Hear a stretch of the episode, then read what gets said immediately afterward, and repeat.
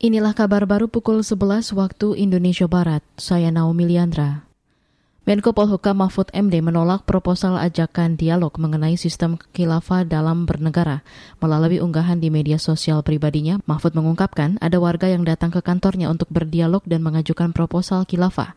Mahfud mengatakan dirinya tak ada waktu melayani dialog yang hanya sensasi belaka. Sebab ia mengklaim sudah berdialog secara terbuka di berbagai tempat mulai dari Majelis Ulama Indonesia, Muhammadiyah, Nadlatul Ulama, hingga pondok-pondok pesantren. Menurutnya tak ada yang bisa menunjukkan sistem baku dari Al-Quran dan hadis tentang sistem khilafah dalam bernegara. Semua setuju bahwa sistem bernegara setelah Nabi Muhammad meninggal merupakan hasil ijtihad atau putusan ahli agama yang selalu berbeda. Mahfud lantas menyarankan agar warga yang mengajukan proposal dialog khilafah untuk menyampaikannya ke ormas-ormas Islam terlebih dahulu atau menyalurkan aspirasinya melalui partai-partai politik.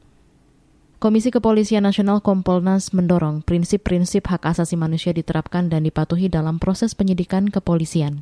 Anggota Kompolnas Yusuf Warshi mengatakan polisi yang bersalah harus diproses secara adil bila terbukti melakukan pelanggaran. Hal itu disampaikan Yusuf menanggapi dugaan penyiksaan polisi terhadap empat orang di Bekasi, Jawa Barat. Nah kalau ada yang terkait dengan salah tangkap tentu itu bisa diproses oleh propam, bisa dilakukan penindakan secara kode etik. Kalau ada dugaan penyiksaan misalnya ya itu bisa ada unsur-unsur tindak pidana ya diproses. Nah terkait dengan prinsip-prinsip HAM sendiri, Polri sendiri punya perkap tentang implementasi prinsip-prinsip HAM. Saya kira kita tetap berharap eh, proses-proses lain lah, tidak tidak fokus ke Polsek Tabulang. Anggota Kompolnas Yusuf Warshi menambahkan temuan Komnas HAM atas dugaan penyiksaan di Bekasi harus segera direspons oleh Inspektorat Pengawasan Polda Metro Jaya atau Irwasda dan Propam. Sebelumnya Komisioner Komnas HAM Hoirul Ana mengatakan Polsek Tambelang dan Polres Bekasi menyerahkan bukti foto dengan keterangan waktu yang diubah. Kesimpulan Komnas HAM ditemukan praktik penyiksaan yang diduga dilakukan polisi terhadap Fikri dan tiga rekan lainnya. Keempat orang itu sebelumnya dituduh melakukan pembegalan.